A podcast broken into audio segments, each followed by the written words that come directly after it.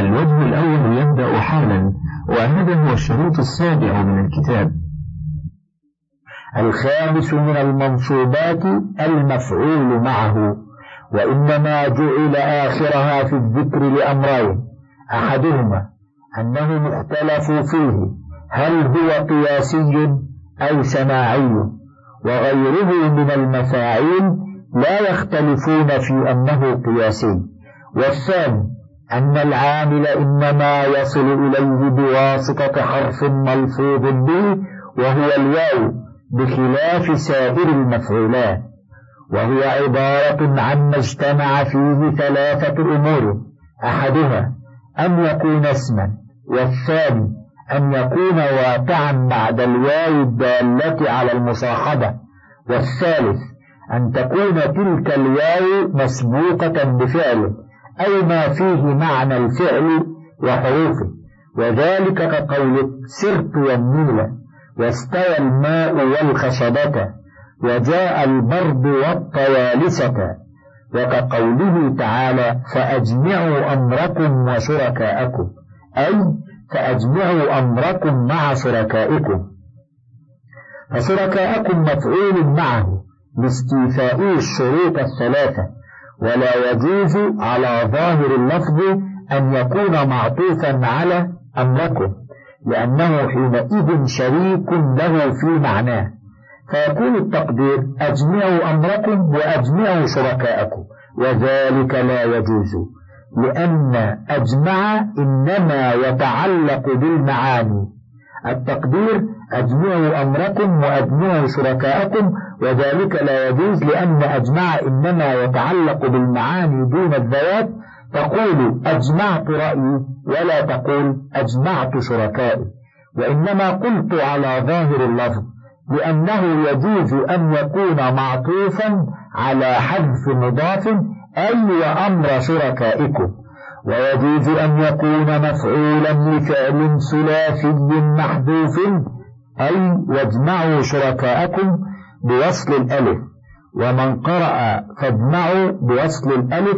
صح العطف على قراءته من غير إضمار لأنه من جمع وهو مشترك بين المعاني والذوات. تقول جمعت أمري وجمعت شركائي. قال الله تعالى فجمع كيده ثم أتى. الذي جمع مالا معدده ويجوز على هذه القراءة أن يكون مفعولا معه ولكن إذا أمكن العطف فهو أولى لأنه الأصل. وليس من المفعول معه قول أبي الأسود الدؤلي يا أيها الرجل المعلم غيره هل لا لنفسك كان ذا التعليم؟ ابدأ بنفسك فانهها عن غيها فإذا انتهت عنه فأنت حكيم فهناك يسمع ما تقول ويستفى. بالقول منك وينفع التعليم. لا تنه عن خلق وتأتي مثله عار عليك إذا فعلت عظيم. الشاهد في قوله وتأتي مثله فإنه ليس مفعولا معه وإن كان بعد واو بمعنى مع أي لا تنهى عن خلق مع إتيانك مثله لأنه ليس باسم ولا نحو قولك بعتك الدار بأثاثها والعبد بثيابه. وقول الله سبحانه وتعالى وقد دخلوا بالكفر وهم قد خرجوا به. وقولك جاء زيد مع عمرو فإن هذه الأسماء وإن كانت مصاحبة لما قبلها لكنها ليست بعد الواو. ولا نحو قوله مزجت عسلا وماء وقول الشاعر علفتها تبنا وماء باردا حتى غدت همالة عيناها وقول الآخر إذا ما الغانيات برزن يوما وزجدن الحواجب والعيون لأن الواو ليست بمعنى مع فيهن وإنما هي في المثال الأول لعطف مفرد على مفرد واستفيدت المعية من العامل وهو مزجت وفي المثالين الأخيرين لعطف جملة على جملة والتقدير وسقيتها ماء وكحلنا العيون فحذف الفعل والفاعل وبقي المفعول.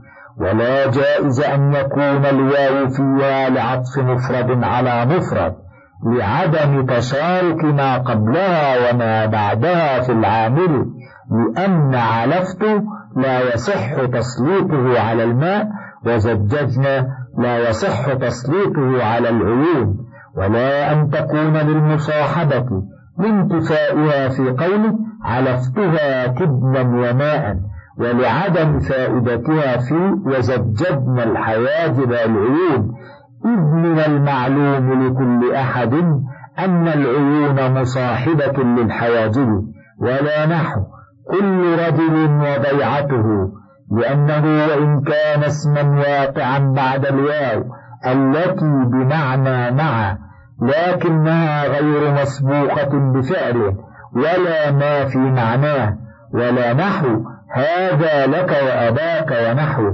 على أن يكون أباك مفعولا معه منصوبا بما فيها من معنى أنبه أو بما في ذا من معنى أشير أو بما في لك من معنى استقر لأن كل منها وذا ولك فيه معنى الفعل دون حروفه بخلاف سرت والنيل وأنا سائر والنيل فإن العامل في الأول الفعل وفي الثاني الاسم الذي فيه معنى الفعل وحروفه.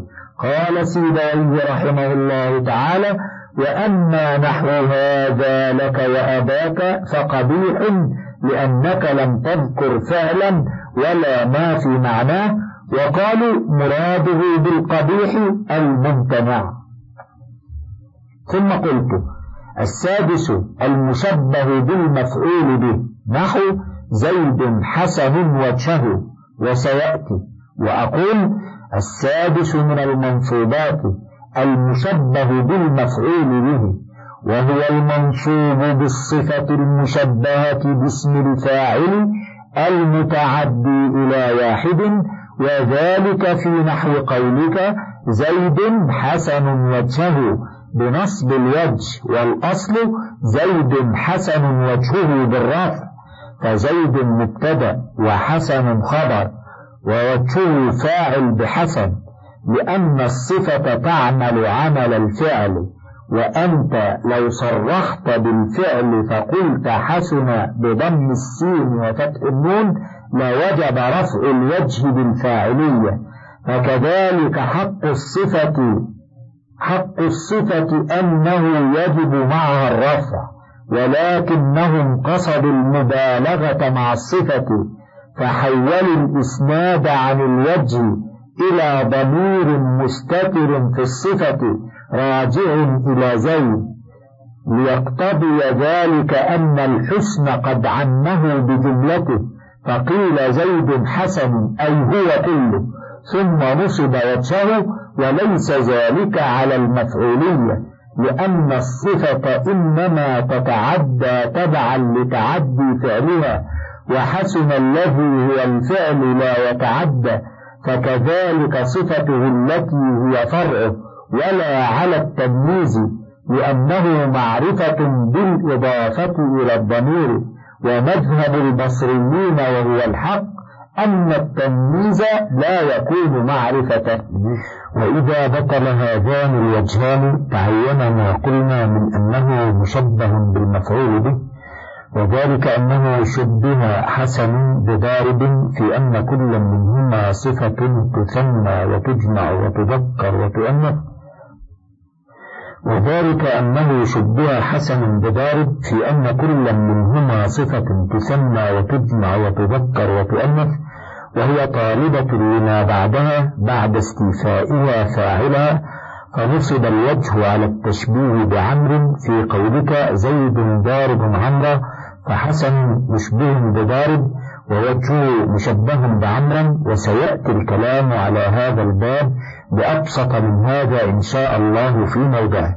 ثم قلت السابع الحال وهو وصف فضلة مسوق لبيان هيئة صاحبه أو تأكيده أو تأكيد عامله أو مضمون الجملة قبله نحو فخرج منها خائفا لآمن من في الأرض كلهم جميعا فتبسم ضاحكا وأرسلناك للناس رسولا وأنا ابن دارة معروفا بها نسبه ويأتي من الفاعل ومن المفعول ومنهما مطلقة ومن المضاف إليه إن كان المضاف بعده نحو لحم أخيه ميتا أو كبعضه نحو ملة إبراهيم حنيفا أو عاملا فيها نحو إليه مرجعكم جميعا.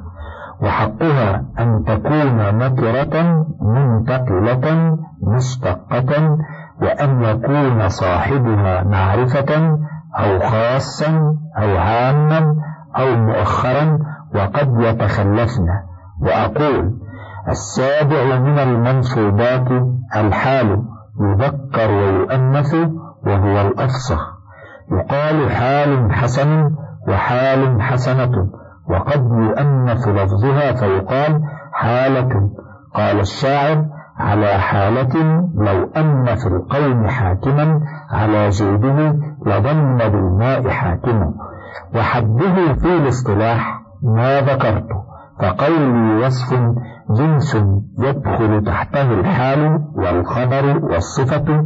وقولي فضلة فصل مخرج للخبر نحو زيد قائم وقولي مسوق لبيان هيئة ما هو له مخرج لأمرين أحدهما نعت الفضلة نحو رأيت رجلا طويلا ومررت برجل طويل فإنه وإن كان وصفا فضلة لكنه لم يسق لبيان الهيئة وإنما سيق لتقييد الموصوف وجاء بيان الهيئة ضمنه.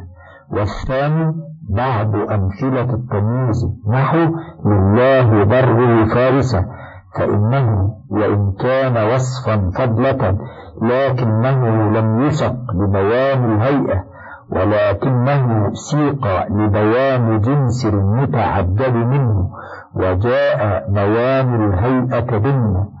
وقول أو تأكيده إلى آخره تممت به ذكر أنواع الحال والحاصل أن الحال أربعة أقسام مبينة للهيئة وهي التي لا يستفاد معناها بدون ذكرها ومؤكدة لعاملها وهي التي لو لم تذكر لأفاد عاملها معناها.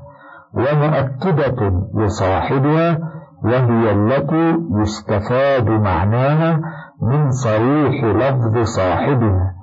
ومؤكدة لمضمون الجملة وهي الآتية بعد جملة معقودة من اسمين معرفتين جامدين وهي دالة على وصف ثابت مستفاد من تلك الجملة. المبينة للهيئة كقولك جاء زيد راكبا وأقبل عبد الله فرحا وقول الله تعالى فخرج منها خائفا يترقب والمؤكدة لصاحبها كقوله تعالى لآمن من في الأرض كلهم جميعا وقولك جاء الناس قاطبة أو كافة أو طرا وهذا القسم أغفل التنبيه عليه جميع النحويين ومثل ابن مالك بالآية للحال المؤكدة لعاملها وهو سهو. والمؤكدة لعاملها كقولك جاء زيد آتيا وعاف عمرو مفسدا. وقول الله تعالى وأزلفت الجنة للمتقين غير بعيد. وذلك لأن الإزلاف هو التقريب. فكل مزلف قريب وكل قريب غير بعيد. وقوله تعالى وأرسلناك للناس رسولا فتبسم ضاحكا من قولها ولا مدبرا.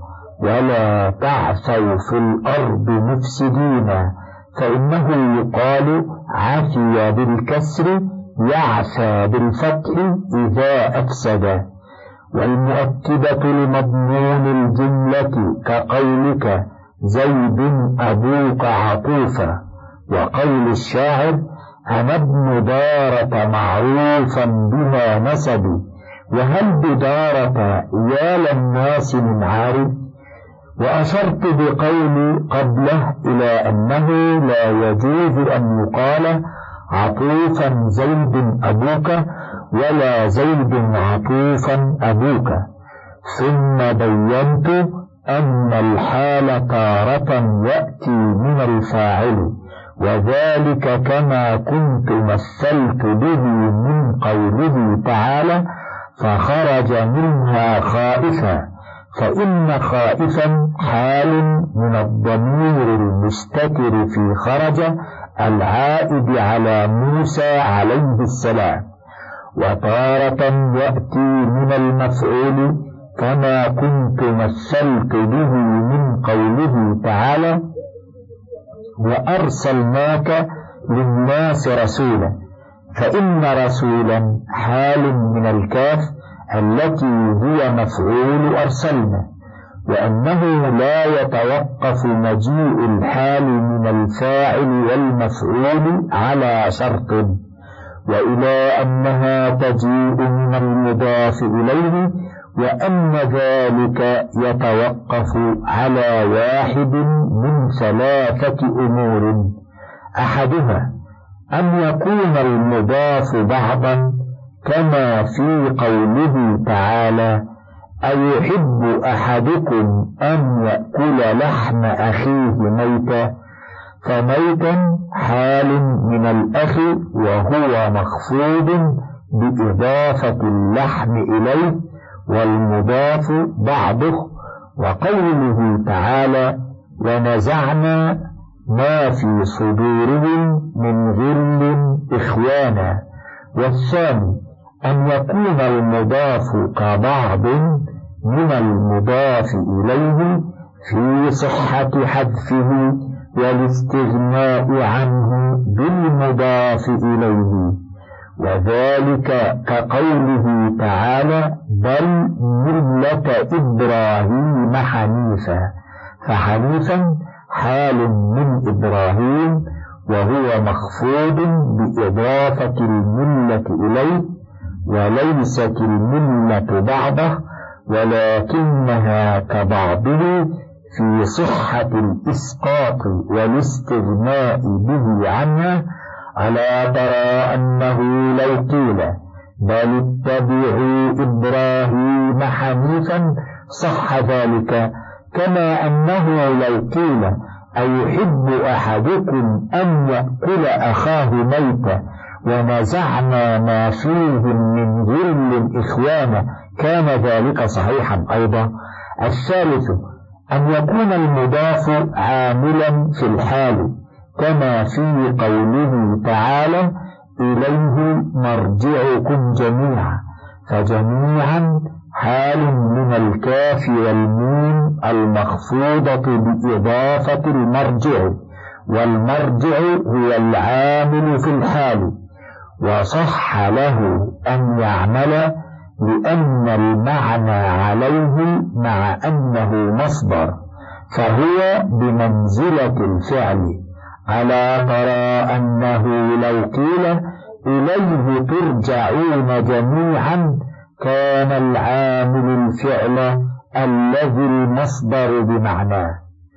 ثم بينت أن للحال أحكاما أربعة وأن تلك الأربعة ربما تخلفت. فالأول الانتقال ونعني به ألا يكون وصفا ثابتا. وذلك كقولك جاء زيد ضاحكا. ألا ترى أن الضحك يزاول زيدا ولا يلازمه هذا هو الأصل.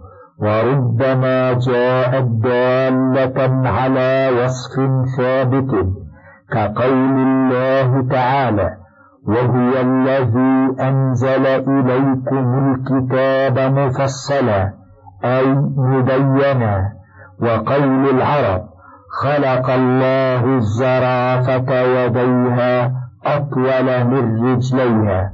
فالزرافة بفتح الزاي مفعول لخلق ويديها بدل منها بدل بعض من كل وأطول حال من الزرافة ومن رجليها متعلق بأطول.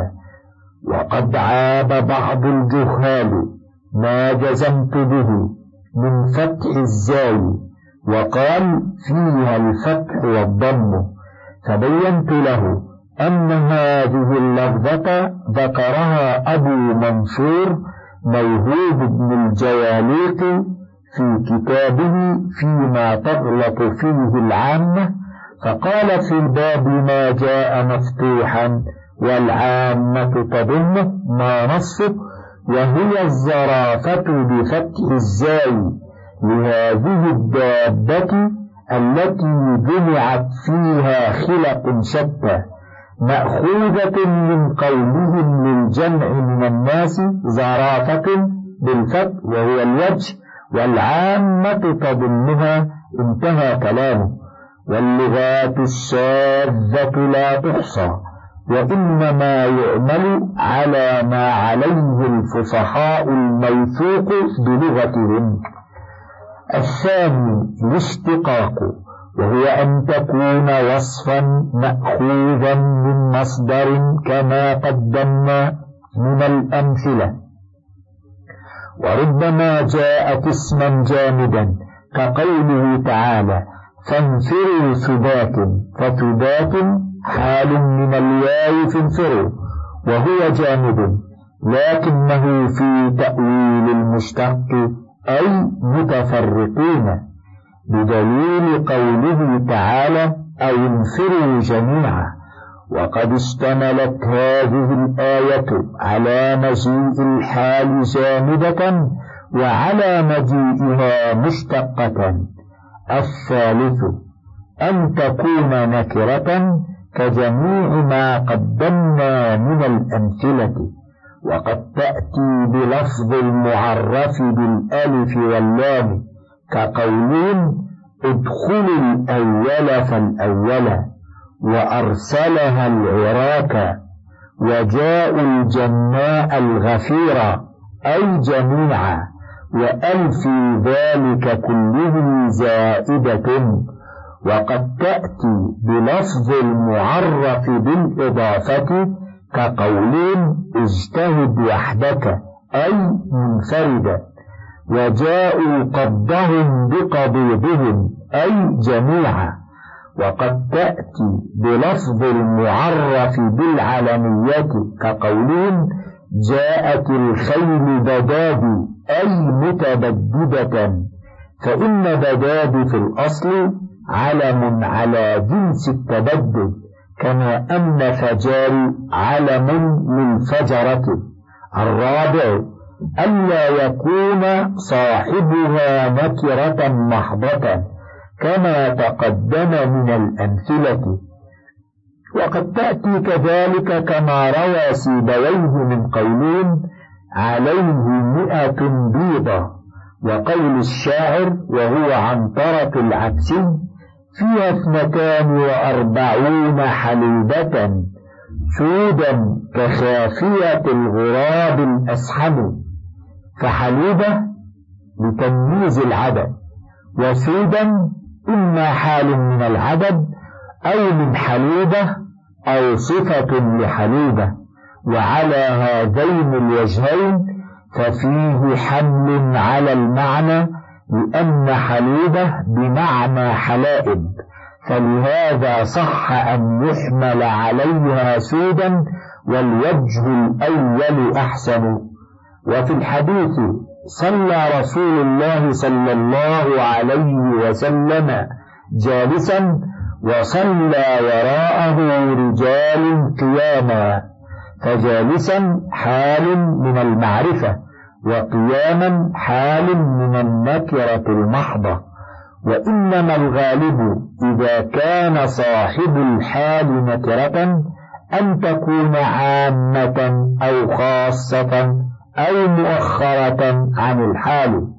فالأول كقوله تعالى وما أهلكنا من قرية إلا لها منذرون فإن الجملة التي بعد إلا حال من قرية وهي نكرة عامة لأنها في سياق النفي والثاني نحو فيها يفرق كل أمر حكيم أمرا من عندنا فأمرا إذا أعرض حالا. فصاحب الحال إما المضاف فالمسيغ أنه عام أو خاص. أما الأول فمن جهة أنه أحد صيغ العموم وأما الثاني فمن جهة الإضافة. وإما المضاف إليه فالمسوغ أنه خاص لوصفه بحكيم. وقرأ بعض السلف ولما جاءهم كتاب من عند الله مصدقا لما معهم بالنصب فجعله الزمخشري حالا من كتاب لوصفه بالظرف وليس ما ذكر بلازم لجواز أن يكون حالا من الضمير المستتر في الظرف والثالث كقوله لميت موحشا طلل فهذه المواضع ونحوها مجيء الحال فيها من النكرة قياسي كما أن الابتداء بالنكرة في نظائرها قياسي وقد مضى ذلك في باب المبتدأ فقس عليه هنا. ثم قلت الثامن التمييز وهو اسم نكرة فضلة يرفع إبهام اسم أو إجمال نسبة فالأول بعد العدد الأحد عشر فما فوقها إلى المئة وكم الاستفهامية نحو كم عبدا ملكت وبعد المقادير كرتل زيتا وكشبر أرضا وقفيز برا وشبههن من نحو مثقال ذرة خيرا ومحي سنا ومثلها زبدا وموضع راحة سحابا وبعد فرعه نحو خاتم حديدا والثاني إما محول عن الفاعل نحو واشتعل الرأس شيبا أو عن المفعول نحو وفجرنا الأرض عيونا أو عن غيرهما نحو أنا أكثر منك مالا أو غير محول نحو لله ضره فارسا. وأقول الثامن من المنصوبات التمييز وهو والتفسير والتبيين ألفاظ مترادفة لغة واصطلاحا. وهو في اللغة بمعنى فصل الشيء عن غيره. قال الله تعالى وامتازوا اليوم أيها المجرمون أي انفصلوا من المؤمنين. تكاد تميز من الغيظ أي ينفصل بعضها من بعض وهو في الاصطلاح مختص بما اجتمع فيه ثلاثة أمور وهي المذكورة في المقدمة. وفهم مما ذكرته في حدي الحال والتمييز أن التمييز وإن أشبه الحال في كونه منصوبا فضلة مبينا لإبهام إلا أنه يفارقه في أمرين. أحدهما أن الحال إنما يكون وصفا إما بالفعل أو بالقوة وأما التمييز فإنه يكون بالأسماء الجامدة كثيرا. نحو عشرون درهما ونحو رطل زيتا وبالصفات المشتقة قليلة كقولين لله بره فارسا ولله بره راكبا. الثاني أن الحال لبيان الهيئات والتمييز يكون تارة لبيان الذوات وتارة لبيان جهة النسبة. وقسمت كلا من هذين النوعين أربعة أقسام. انتهى الوجه الأول.